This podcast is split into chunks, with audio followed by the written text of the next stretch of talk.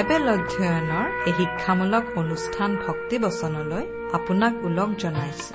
আজিৰে পবিত্ৰ ক্ষণতে উজলি উঠা খ্ৰীষ্টৰ জ্যোতি। জীৱনৰ ঘাট প্ৰতিঘাতবোৰে আপোনাক ভাৰাক্ৰান্ত কৰিছে নেকি? জীৱনৰ জটিলতাবোৰৰ ভাৰত আপুনি দিশহাৰা হৈছে নেকি? প্ৰিয় শ্ৰোতা তেন্তে আপুনি এই অনুষ্ঠানটি শেষলৈকে মনোযোগেৰে শুনিব। প্ৰভু যীশুৰ বাণীয়ে নিশ্চয় আজি কঢ়িয়াই আনিব আপোনাৰ জীৱনলৈ এক নতুন ছন্দ। দিশহাৰা জীৱনক এক সঠিক দিশ প্ৰদৰ্শন কৰিবলৈ এয়া আপোনালৈ আগবঢ়াইছো পবিত্ৰ বাইবেল শাস্ত্ৰৰ শিক্ষামূলক অনুষ্ঠান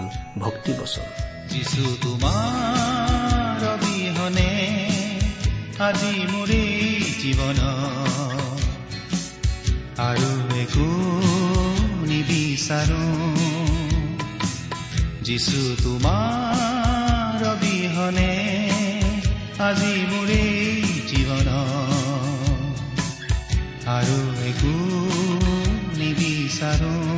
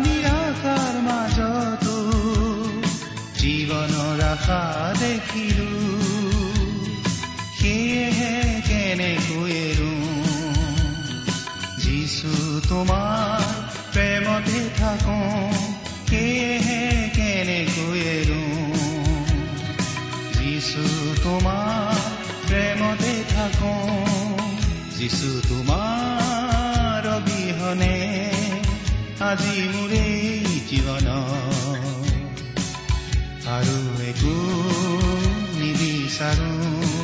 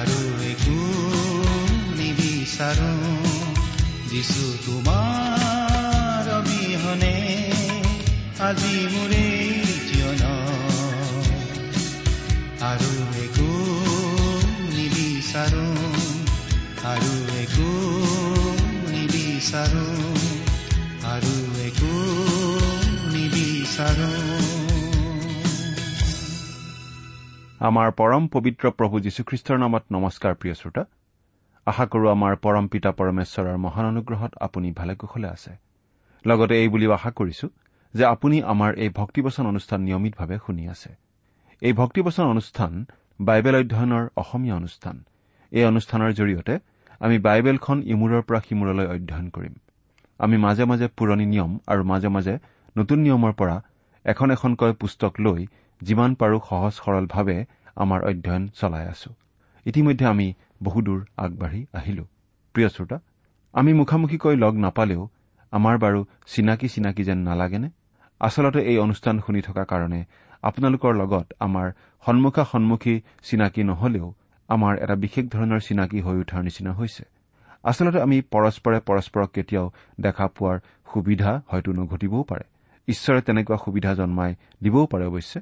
কিন্তু এটা কথা হলে আমি অতি দৃঢ়ভাৱে ক'ব পাৰো যে এই পৃথিৱীত নহলেও সৰগত আমি কিন্তু ইজনে সিজনক লগ পামেই যদিহে আমি খ্ৰীষ্টত আশ্ৰয় লৈছো। প্ৰভু যীশুত আশ্ৰয় লোৱা সকলো লোকেই এনেদৰে দৃঢ়ভাৱে ক'ব পাৰে। ইমান দৃঢ়ভাৱে বাৰু তেওঁলোকে কেনেকৈ ক'ব পাৰে? এনেদৰে আমি ক'ব পাৰো প্ৰভু যীশুৱে কৰা প্ৰতিজ্ঞাৰ ভিত্তিত। প্ৰভু যীশুৱে যি কৈ গৈছে তাৰ লৰচৰ নহয় তেওঁ নিজৰ প্ৰতিজ্ঞা ৰক্ষা কৰিবই। কিন্তু প্ৰভু যীশুৱেনো কি কৈছে সেই কথানো আমি ক'ত গম পাওঁ? বাইবেল শাস্ত্ৰত বাইবেল শাস্ত্ৰ হৈছে ঈশ্বৰৰ বাক্য। ইয়াৰ লৰচৰ হোৱা নাই। আমাৰ এই ভক্তিবচন অনুষ্ঠানত আমি বাইবেলৰ যোগেদি ঈশ্বৰে আমাক কি কৈছে তাকেই চাবলৈ চেষ্টা কৰি আহিছো। এই অনুষ্ঠান সম্বন্ধে আপুনি বাৰু কি ভাবে? আপোনাৰ মতামত আমাক কেতিয়াবা জনাইছেনে? অনুগ্ৰহ কৰি আমালৈ দুষাৰিমান হলেও লিখি পঠিয়াবচোন। আহকচোন আজিৰ বাইবেল অধ্যয়ন আৰম্ভ কৰাৰ আগতে আমাৰ পৰম পিতা পৰমেশ্বৰৰ ওচৰত প্ৰাৰ্থনাত মূৰ্ণত কৰো হওক।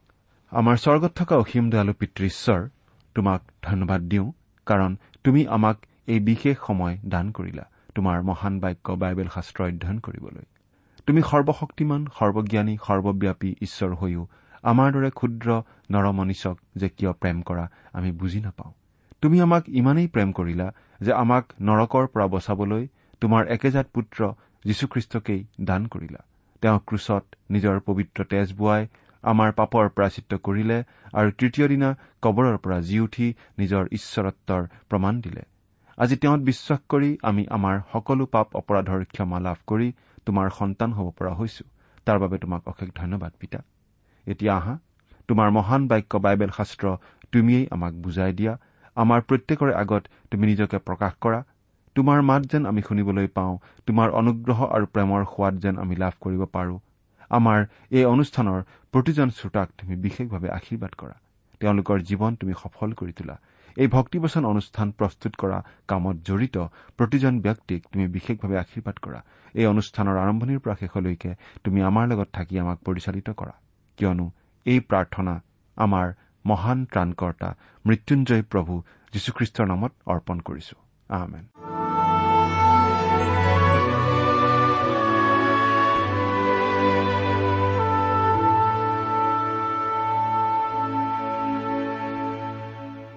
প্ৰিয় শ্ৰোতা আমি আজি ভালেমান দিন ধৰি বাইবেলৰ নতুন নিয়ম খণ্ডৰ ইফিচিয়াবিলাকৰ প্ৰতি পত্ৰ নামৰ পুস্তকখন অধ্যয়ন কৰি আছো নহয় জানো? আজি আমি এই ইফিচিয়া পত্ৰৰ ছয় নম্বৰ অধ্যায়ৰ আলোচনা আৰম্ভ কৰিব খুজিছো। আজি আমি আলোচনা কৰিবলৈ লোৱা ইফিচিয়া ছয় নম্বৰ অধ্যায়টিৰ মূল বিষয়সমূহ হৈছে মণ্ডলী এজন সৈনিক সৈনিকৰ সম্বন্ধ সৈনিকৰ শত্ৰু সৈনিকৰ সুৰক্ষা সৈনিকৰ আদৰ্শ পৌল খ্ৰীষ্টৰ এজন সজ সৈনিক আছিল। আৰু অৱশেষত আমি পাওঁ সামৰণি প্ৰাৰ্থনা। পাঁচ নম্বৰ অধ্যায়ত আমি খ্ৰীষ্টীয় মণ্ডলীক খ্ৰীষ্টৰ কন্যাৰ ৰূপত দেখা পালো। এই ছয় নম্বৰ অধ্যায়ত আকৌ মণ্ডলী যীশুখ্ৰীষ্টৰ এজন সজ সৈনিক কেনেকৈ হ'ব লাগে সেই কথাটো আমি জানিব পাৰিম। কিছুমান লোকে ক'ব বিচাৰে যে এহাল খ্ৰীষ্টীয় দম্পতীৰ বিবাহৰ পাছতেই এজন সজ সৈনিকৰ অনুক্ৰম আৰম্ভ হয়। কথাটো হাঁহি উঠা যেন লাগিলেও ইমান মিছাও নহয়। কিয় মিছা নহয়? এই কথাটো আমি খন্তেক পাছতেই জানিব পাৰিম। এতিয়া আমি এই কথাটো জানি থবই লাগিব যে ভৱিষ্যতে খ্ৰীষ্টীয় মণ্ডলী খ্ৰীষ্টৰ কন্যা হ'ব আৰু সেই উদ্দেশ্যে এই জগততে খ্ৰীষ্টীয় মণ্ডলীক খ্ৰীষ্টলৈ বাগদান কৰি থোৱা হৈছে। মণ্ডলী মানে গীৰ্জাঘৰক বুজোৱা হোৱা নাই কিন্তু প্ৰতিজন খ্ৰীষ্টীয় বিশ্বাসকাৰী লোকক বুজোৱা হৈছে। সেইকাৰণে প্ৰতিজন খ্ৰীষ্টীয় লোকে এই জগতত থকা কালত বাগদান কৰা কন্যাৰ দৰে চলিব লাগে। কিন্তু তাৰ আগতেই আজি জগতত থকা প্ৰতিজন খ্ৰীষ্টীয় লোকেই একো একোজন খ্ৰীষ্টৰ সজ সৈনিক হ'ব লাগে। কিহৰ বিৰুদ্ধে সৈনিক হ'ব লাগে? এই কথাটো আজি আমি ইফিছৰ ঘটনাৰ আলমত জানিবলৈ চেষ্টা কৰো হওক। আমি আগতেই পাই আহিছো যে ইফিছত ডায়নাৰ এটি বিখ্যাত মন্দিৰ আছিল আৰু ই পৃথিৱীৰ সাতোটা বিখ্যাত বস্তুৰ ভিতৰত এটা আছিল।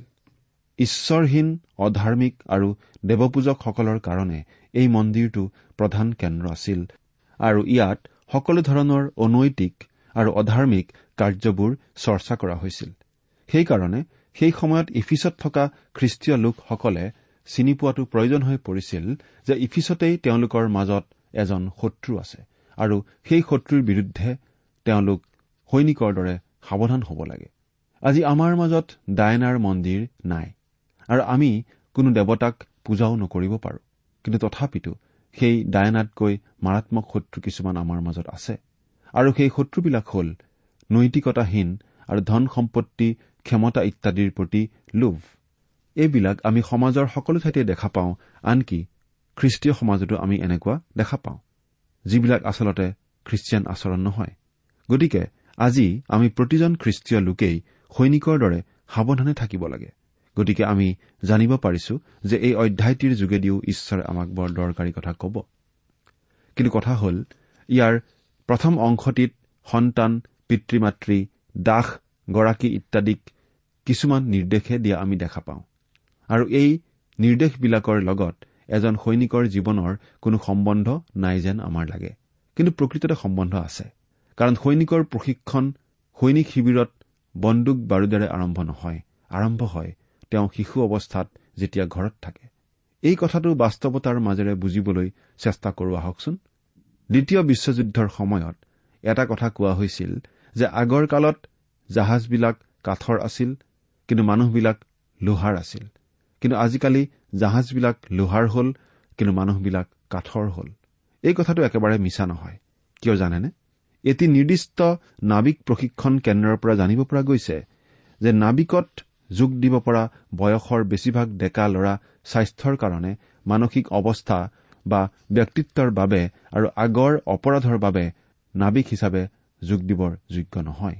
আৰু যোগ্য ডেকা ল'ৰাৰ সংখ্যা দিনক দিনে কমি আহিছে। তথাপিতো যিসকলক লোৱা হয় তেওঁলোকেও প্ৰাথমিক দুখ কষ্টখিনি সহ্য কৰিব নোৱাৰি ঘৰলৈ ঘূৰি আহিব বিচাৰে। অৰ্থাৎ বুট জোতা পিন্ধি দৌৰা সাঁতোৰা শাৰীৰিক ব্যায়াম ইত্যাদি তেওঁলোকে কৰিব নোৱাৰে। আৰ্থিক সাহায্যৰ বাবে সদায় পৰ মুখাপেক্ষী হৈ থকা অনুষ্ঠানবোৰৰ অৱস্থাও এনেকুৱাই হয়। কাৰণ নিজৰ ভৰিত থিয় দিব পৰা শক্তি তেওঁলোকৰ নাথাকে। এই শক্তিসমূহ একেদিনাই আহৰণ কৰিব পৰা বস্তু নহয়। এই শক্তি আহৰণ প্ৰক্ৰিয়া আৰম্ভ হ'ব লাগিব শিশুকালতেই ঘৰত থকা অৱস্থাতেই। সেইকাৰণে ঈশ্বৰৰ বাক্যত এজন সজ সৈনিকৰ বিষয়ে কবলৈ যোৱাৰ আগতেই সন্তান আৰু পিতৃ মাতৃক কিছুমান নিৰ্দেশ দিয়া হৈছে। আৰু এক নম্বৰ পদতেই এনেদৰে কোৱা হৈছে। ইফিচিয়া ছয় নম্বৰ অধ্যায়ৰ এক নম্বৰ পদটো পঢ়িছো। হে সন্তানবিলাক প্ৰভূত তোমালোকে পিতৃ মাতৃৰ আজ্ঞাধীন হোৱা কিয়নো এয়ে উচিত। প্ৰিয় শ্ৰোতা এয়া একেবাৰে উচিত আৰু এয়া ঈশ্বৰৰো ইচ্ছা। এয়া ধাৰ্মিকতাৰ প্ৰথম খোজ আৰু ঈশ্বৰৰ মনোনীত পথ। এয়া এজন সুদক্ষ সৈনিকৰ প্ৰথম প্ৰস্তুতি কাৰণ সৈনিক এজনে সেনাপতিৰ নিৰ্দেশ মানিব লাগিব আৰু মানিব পৰা স্বভাৱ তেওঁৰ থাকিব লাগিব। ইয়াকেই কোৱা হয় বাধ্যতা। আৰু এই বাধ্যতা শিশু এজনে নিজ ঘৰত শিকিব লাগিব। তেতিয়াহে তেওঁ এজন সৈনিক হোৱাৰ যোগ্য হ'ব। আনহাতে আজিৰ শিশু এটি সদায় শিশু হৈ নাথাকে। কালক্ৰমত সি পিতৃ হ'ব আৰু তেতিয়া নিজ সন্তানক নিৰ্দেশ দিব জানিবও লাগিব। ঠিক সেইদৰে সৈনিক এজনে সেনাপতি হৈ আনক চলাব পাৰিব লাগিব। এইখিনিতে মন কৰিবলগীয়া কথাটো হ'ল নিৰ্দেশ দিবলৈ জানিবলৈ হলে তাৰ আগতে বাধ্য হবও জানিব লাগিব। এইবোৰ ঘৰতে আৰম্ভ হয় আৰু সেইকাৰণে ঘৰখনেই প্ৰাথমিক শিক্ষাৰ কেন্দ্ৰস্থল। ঘৰ বুলিলে সাধাৰণতেই পিতৃ মাতৃ আৰু ল'ৰা ছোৱালীক বুজা যায়। সেই হেতুকে এজন সুদক্ষ সৈনিকৰ বিষয়ে পৰামৰ্শ দিবলৈ গৈ পৌলে প্ৰথমে কৈছে তোমালোক পিতৃ মাতৃৰ বাধ্য হোৱা। আমাৰ প্ৰভু যীশুখ্ৰীষ্টও বৰ বাধ্য আছিল। আপোনাৰ মনত আছে কি জানি? যে তেওঁ যেতিয়া জোচেফ আৰু মৰিয়মৰ লগত নাচৰতলৈ গৈছিল তেতিয়া তেওঁ তেওঁলোকৰ কথা মানি চলিছিল। বাধ্যতাৰ বিষয়ে এই পদটিত দুটা কথা আছে যাক আমি জনা দৰকাৰ। তাৰে প্ৰথমটি হ'ল এনেধৰণৰ। পৌলে যেতিয়া এখন ঘৰ এটি পৰিয়ালৰ কথা কৈছে তেওঁ নিশ্চয় খ্ৰীষ্টীয় ঘৰ পৰিয়ালৰ কথাকেই কৈছে। কাৰণ তেওঁ পিতৃ মাতৃৰ প্ৰতি সন্তানৰ বাধ্যতাৰ কথা কৈছে। তেতিয়া তেওঁ প্ৰভূত এই শব্দটো লগাই দিছে। আনহাতে পাঁচ নম্বৰ অধ্যায়তো খ্ৰীষ্টীয় বিবাহ বান্ধোন পৰিয়ালৰ সহভাগিতা ইত্যাদিৰ কথা কওঁতে প্ৰভুৰ সংগতি ৰাখিহে তেওঁ কৈছে। ইয়াৰ পৰা বুজা যায় যে তেওঁ খ্ৰীষ্টীয় ঘৰ পৰিয়ালৰ কথাই কৈছে। এইটো আমাৰ বাবেও আনন্দৰ কথা যে আমি পিতৃ মাতৃসকলে সন্তানক ঈশ্বৰৰ সন্তান বুলি দাবী কৰিব পাৰোঁ। আৰু এইদৰে আমি দাবী কৰা উচিত। এই বিষয়ে প্ৰথম কৰিন্ঠিয়া সাত নম্বৰ অধ্যায়ৰ চৈধ্য নম্বৰ পদত এইদৰে কোৱাও হৈছে কিয়নো বিশ্বাস নকৰা স্বামী সেই ভাৰ্যাত পবিত্ৰীকৃত হল। আৰু বিশ্বাস নকৰা ভাৰ্যাও সেই ভাইত পবিত্ৰীকৃত হল। এনে নোহোৱা হলে তোমালোকৰ সন্তানবিলাকো অসুচী হলহেঁতেন। কিন্তু এতিয়া সিহঁত পবিত্ৰ। তাৰমানে শিশু এটিৰ পিতৃ মাতৃ খ্ৰীষ্টিয়ান হোৱা কাৰণে। শিশুটিও যে খ্ৰীষ্টীয় বিশ্বাসী হৈ পৰে এনে নহয় কিন্তু পিতৃ মাতৃয়ে সেই সন্তানটিক ঈশ্বৰৰ বুলি দাবী কৰিব পাৰে। সেইকাৰণে এক নম্বৰ পদটোত কোৱা হৈছে সেই সন্তানবিলাক প্ৰভূত তোমালোক পিতৃ মাতৃৰ আজ্ঞাধীন হোৱা। এইখিনিতে এটা কথা আমি নকৈ থাকিব নোৱাৰো যে আমাৰ ডেকা গাভৰু শ্ৰোতাসকলৰ কিছুমানে যীশুখ্ৰীষ্টক মুক্তিদাতা প্ৰভুৰূপে স্বীকাৰ কৰিব বিচাৰে। কিন্তু তেনে কৰিলে মাক দেউতাকে বেয়া পায় কাৰণে প্ৰকাশ্যে স্বীকাৰ কৰিব নোৱাৰে। এইটো অৱশ্যে বৰ দুৰ্ভাগ্যজনক কথা। কিন্তু আমি পিতৃ মাতৃসকলক ক'ব বিচাৰো যে প্ৰভু যীশুক বিশ্বাস কৰা ক্ষেত্ৰত পিতৃ মাতৃয়ে সন্তানক বাধা নিদিয়াই ভাল। নহলে এটা সময়ত প্ৰভুৰ কাৰণে সন্তানে পিতৃ মাতৃক হয়তো পাছ দিব পাৰে। আনহাতে প্ৰভু যীশুক বিশ্বাস কৰাটো যিহেতু হৃদয়ৰ কথা গতিকে পিতৃ মাতৃৰ বাধ্য হৈও প্ৰভু যীশুৰ ওপৰত বিশ্বাস ৰাখিব পৰা যায়। দ্বিতীয়তে এই পদত পোৱা আজ্ঞাধীনতা আৰু পাঁচ নম্বৰ অধ্যায় বাইশ নম্বৰ পদত পোৱা আজ্ঞাধীনতাটো অলপ বেলেগ। তাত ভাৰ্যাৰ আজ্ঞাধীনতাৰ কথা কোৱা হৈছে। ভাৰ্যা আজ্ঞাধীন হলেও স্বামীৰ লগত তেওঁৰ সমান অধিকাৰ আছে। কিন্তু তথাপিতো স্বামীৰ বশীভূত হবলৈ কোৱা হৈছে কাৰণ স্বামী পৰিয়ালৰ মূৰ স্বৰূপ। কিন্তু ছয় নম্বৰ অধ্যায়ৰ এক নম্বৰ পদত সন্তানৰ আজ্ঞাধীনতাৰ যি কথা কোৱা হৈছে ইয়াৰ দ্বাৰা সন্তানৰ বাধ্যতা নিতান্তই প্ৰয়োজন বুলি বুজোৱা হৈছে। কাৰণ পিতৃ মাতৃৰ প্ৰতি অবাধ্যতাই হৈছে বিশৃংখলতাৰ অতি নিম্ন পৰ্যায়। পৃথিৱীত আৰু ইয়াতকৈ চৰম বেয়া কাম একোৱেই নাই। এই বিষয়ে দ্বিতীয় তিমঠীয় তিনি নম্বৰ অধ্যায় এক আৰু দুই নম্বৰ পদত এইদৰে কোৱা হৈছে কিন্তু শেষকালত ভয়ংকৰ সময় উপস্থিত হ'ব ইয়াকে জানিবা। কিয়নো সেই কালত মানুহবিলাকে নিজকে প্ৰীতি কৰোতা ধন লোভীয়া দৰ্পী অহংকাৰী নিন্দক পিতৃ মাতৃক নমনা উপকাৰ নমনা অপবিত্ৰ হ'ব। এয়া চাওক শেষকালৰ অধৰ্মবিলাকৰ ভিতৰত পিতৃ মাতৃক নমনাও হ'ল এটা। আজিকালি আমি পিতৃ মাতৃক অৱমাননা কৰা বা অপমান কৰা বা তেওঁলোকক বধ কৰা ঘটনাও শুনিবলৈ পাওঁ। ইয়াৰ পৰা আমি বুজি পাব লাগে যে কি যুগত আমি বাস কৰি আছো। অৱশ্যে শিশু এটি সদায় শিশু হৈয়েই নাথাকে। ডাঙৰ দীঘল হৈ পঢ়া শুনা কৰি এটা সময়ত সি নিজৰ ভৰিত নিজে থিয় হ'ব পৰা হ'ব। আৰু তেতিয়া তেওঁ হয়তো মাকৰ আচলত ধৰি থাকিবৰ ইচ্ছা নকৰিব। বিয়া বাৰু হৈ নিজৰ সংসাৰ কৰিবলৈ ইচ্ছা কৰিব। এয়াও ঈশ্বৰৰে বিধি। সেই সময়ত তেওঁ হয়তো পিতৃ মাতৃৰ পৰা পৃথক হবলৈ ইচ্ছা কৰাটো স্বাভাৱিক।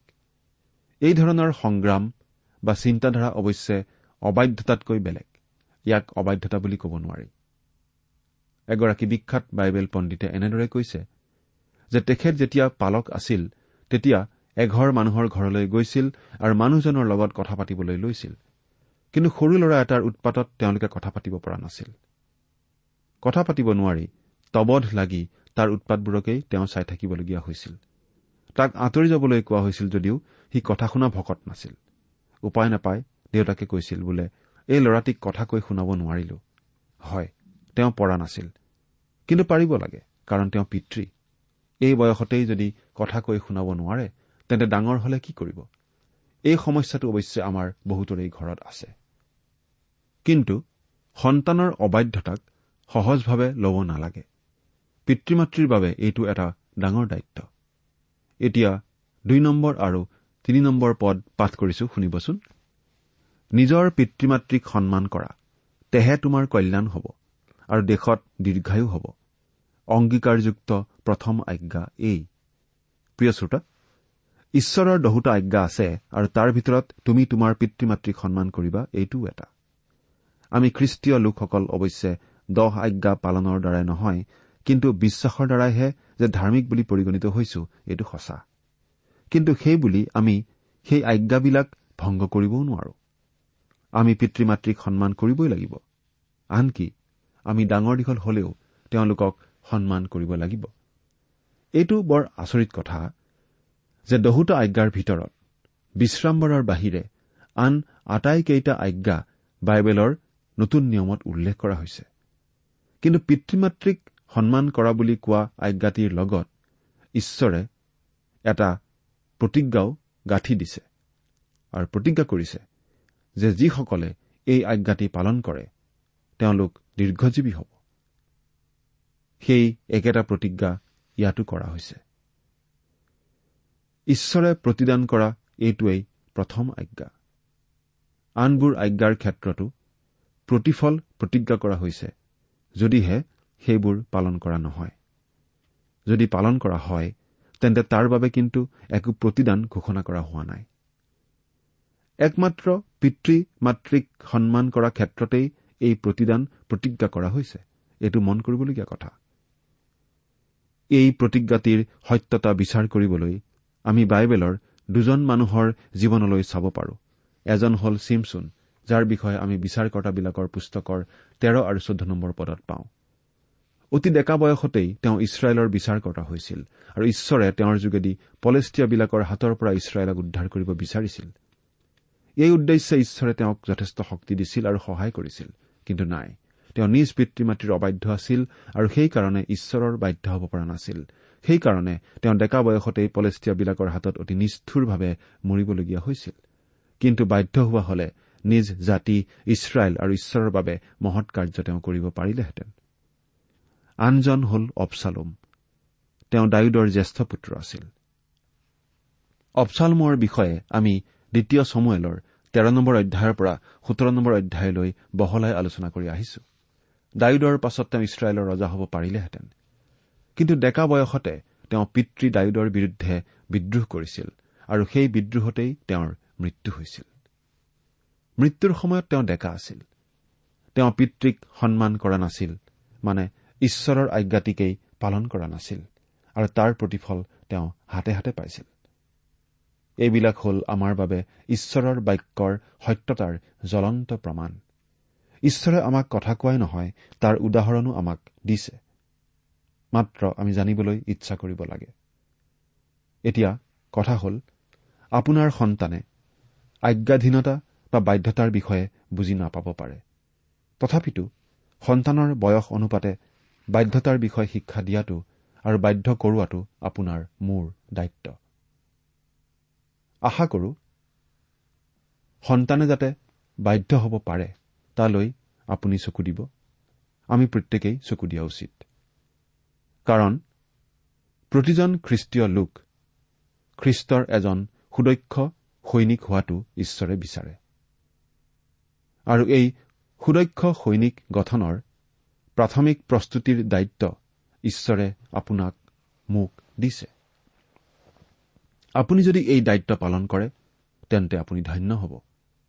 আপোনাৰ সন্তান ধন্য হ'ব আৰু আমাৰ ঈশ্বৰো গৌৰৱান্বিত হ'ব। এই কাৰ্যত ঈশ্বৰে আপোনাক সহায় কৰক। প্ৰিয় শ্ৰোতা আমি আজি ইফিচিয়া পত্ৰৰ ছয় নম্বৰ অধ্যায়ৰ এক নম্বৰ পদৰ পৰা তিনি নম্বৰ পদলৈকে আলোচনা কৰিলো। ইয়াৰ পাছৰ অনুষ্ঠানত আপোনাক পুনৰ লগ পোৱাৰ আশাৰে আজিলৈ আমাৰ অধ্যয়নৰ ইমানতেই সামৰণি মাৰিব খুজিছো। কিন্তু যোৱাৰ আগে আগে এটা কথা সোঁৱৰাই যাব খুজিছো। আজি আমি দেখিলো ঈশ্বৰে সন্তানসকলক পিতৃ মাতৃৰ বাধ্য হবলৈ কৈছে। প্ৰভূত বাধ্য হবলৈ কৈছে। এই কথাটো বাইবেলত থকা কথা হলেও বাইবেল নপঢ়া লোকেও স্বীকাৰ কৰিব যে সন্তানে পিতৃ মাতৃক মানি চলা উচিত। পিতৃ মাতৃৰ কথা শুনা উচিত। এতিয়া আন এটা কথা আমি মন কৰা উচিত। যদি আমি এই জগতৰ নিজ নিজ পিতৃ মাতৃৰ বাধ্য হোৱা উচিত তেনেহলে আমাৰ স্বৰ্গত থকা পিতৃ অৰ্থাৎ ঈশ্বৰৰ বাধ্য হ'ব লাগে নে নালাগে? এই জগতৰ পিতৃ মাতৃক যদি ইমান উচ্চ স্থান বাইবেলত দিছে তেনেহলে স্বৰ্গত থকা পিতৃ ঈশ্বৰৰ স্থান কিমান ওপৰত? চিন্তা কৰি চাওকচোন। প্ৰিয় শ্ৰোতা যদি আমি প্ৰভু যীশুক আমাৰ ত্ৰাণকৰ্তা আৰু প্ৰভু বুলি গ্ৰহণ কৰিছো তেনেহলে আমি ইতিমধ্যেই পবিত্ৰ আত্মাৰ শক্তিৰে আম্মিকভাৱে নতুন জন্ম লাভ কৰিছো আৰু ঈশ্বৰৰ সন্তান হৈছো। ঈশ্বৰ হৈ পৰিছে আমাৰ পিতৃ। আমি হৈ পৰিছো তেওঁৰ সন্তান। গতিকে তেওঁৰ প্ৰতি আমি বাধ্য হবই লাগে। আমি তেওঁৰ প্ৰতি কেনেদৰে বাধ্য হ'ম? সেই প্ৰশ্নৰ উত্তৰ আমি সকলোৱে জানো। আমি ঈশ্বৰৰ প্ৰতি বাধ্য হোৱা মানে ঈশ্বৰৰ আজ্ঞাসমূহ মানি চলা। ঈশ্বৰে আমাক যি কৰিবলৈ কৈছে তাকে কৰা। ঈশ্বৰে আমাক কৰিবলৈ কোৱা সকলোতকৈ ডাঙৰ কামটো বাৰু কি? বাইবেলত লিখা আছে ঈশ্বৰে যিজনাক পঠালে তেওঁত বিশ্বাস কৰাই ঈশ্বৰৰ মনোনীত কৰ্ম। জোহন ছয় নম্বৰ অধ্যায়ৰ ঊনত্ৰিশ নম্বৰ পদ। ঈশ্বৰে মানৱ জাতিক উদ্ধাৰ কৰিবলৈ নিজৰ একেজাত পুত্ৰ যীশুখ্ৰীষ্টক এই জগতলৈ পঠালে আৰু তেওঁক বিশ্বাস কৰাই হৈছে ঈশ্বৰৰ প্ৰতি চৰম বাধ্যতা। প্ৰভু যীশুক বিশ্বাস কৰি আপুনি বাৰু ঈশ্বৰৰ প্ৰতি সেই বাধ্যতা দেখুৱাইছেনে? ঈশ্বৰে আমাক সকলোকে আশীৰ্বাদ কৰক। আহমেদ প্ৰিয় শ্ৰোতা ইমান পৰে আপুনি বাইবেল শাস্ত্ৰৰ পৰা ঈশ্বৰৰ বাক্য শুনিলে। এই বিষয়ে আপোনাৰ মতামত জানিবলৈ পালে আমি নথৈ আনন্দিত হ'ম। আমি প্ৰস্তুত কৰা বাইবেল অধ্যয়নৰ চিডিসমূহ পাব বিচাৰিলে আৰু অনুষ্ঠানত প্ৰচাৰ কৰা কোনো কথা বুজিব লগা থাকিলেও আমালৈ লিখক। আমাৰ যোগাযোগৰ ঠিকনা ভক্তিবচন ট্ৰান্সৱৰ্ল্ড ৰেডিঅ' ইণ্ডিয়া ডাক বাকচ নম্বৰ সাত শূন্য গুৱাহাটী সাত আঠ এক শূন্য শূন্য এক। ঠিকনাটো আকৌ এবাৰ কৈছো ভক্তিবচন ট্ৰান্সৱৰ্ল্ড ৰেডিঅ' ইণ্ডিয়া ডাক বাকচ নম্বৰ সাত শূন্য গুৱাহাটী সাত আঠ এক শূন্য শূন্য এক। আমাৰ ইমেইল এড্ৰেছটো হৈছে Assamese T TV at the rate radio' eight eight two dot com. আমাৰ website W W W dot T W R dot in. আপুনি টেলিফোনৰ মাধ্যমেৰেও আমাক যোগাযোগ কৰিব পাৰে। হে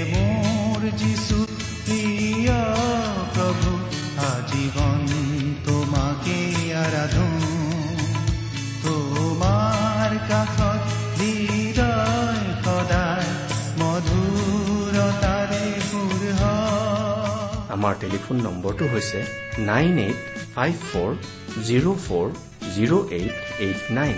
Phone নম্বৰটো আকৌ এবাৰ কৈছো ন আঠ পাঁচ চাৰি শূন্য চাৰি শূন্য আঠ আঠ ন। আপুনি এই ভক্তিবচন অনুষ্ঠানটি আমাৰ website radio' eight eight two dot কমতো শুনিব পাৰিব। আজিৰ অনুষ্ঠানটি ইমানতেই সামৰিছো। ঈশ্বৰৰ শান্তি আৰু অনুগ্ৰহ আপোনাৰ লগত থাকক। ধন্যবাদ। নিসংগতাই যেতিয়া হতাশানে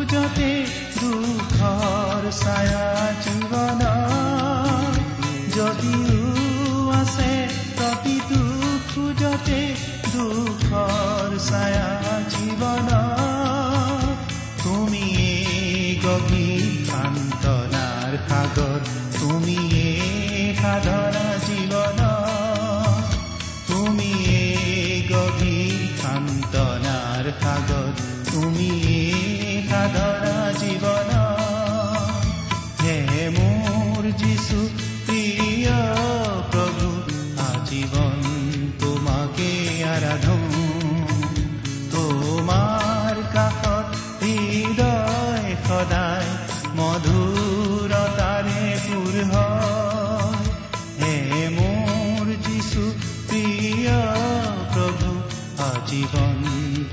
তোমাকে আরাধো তোমাৰ কাষত হৃদয়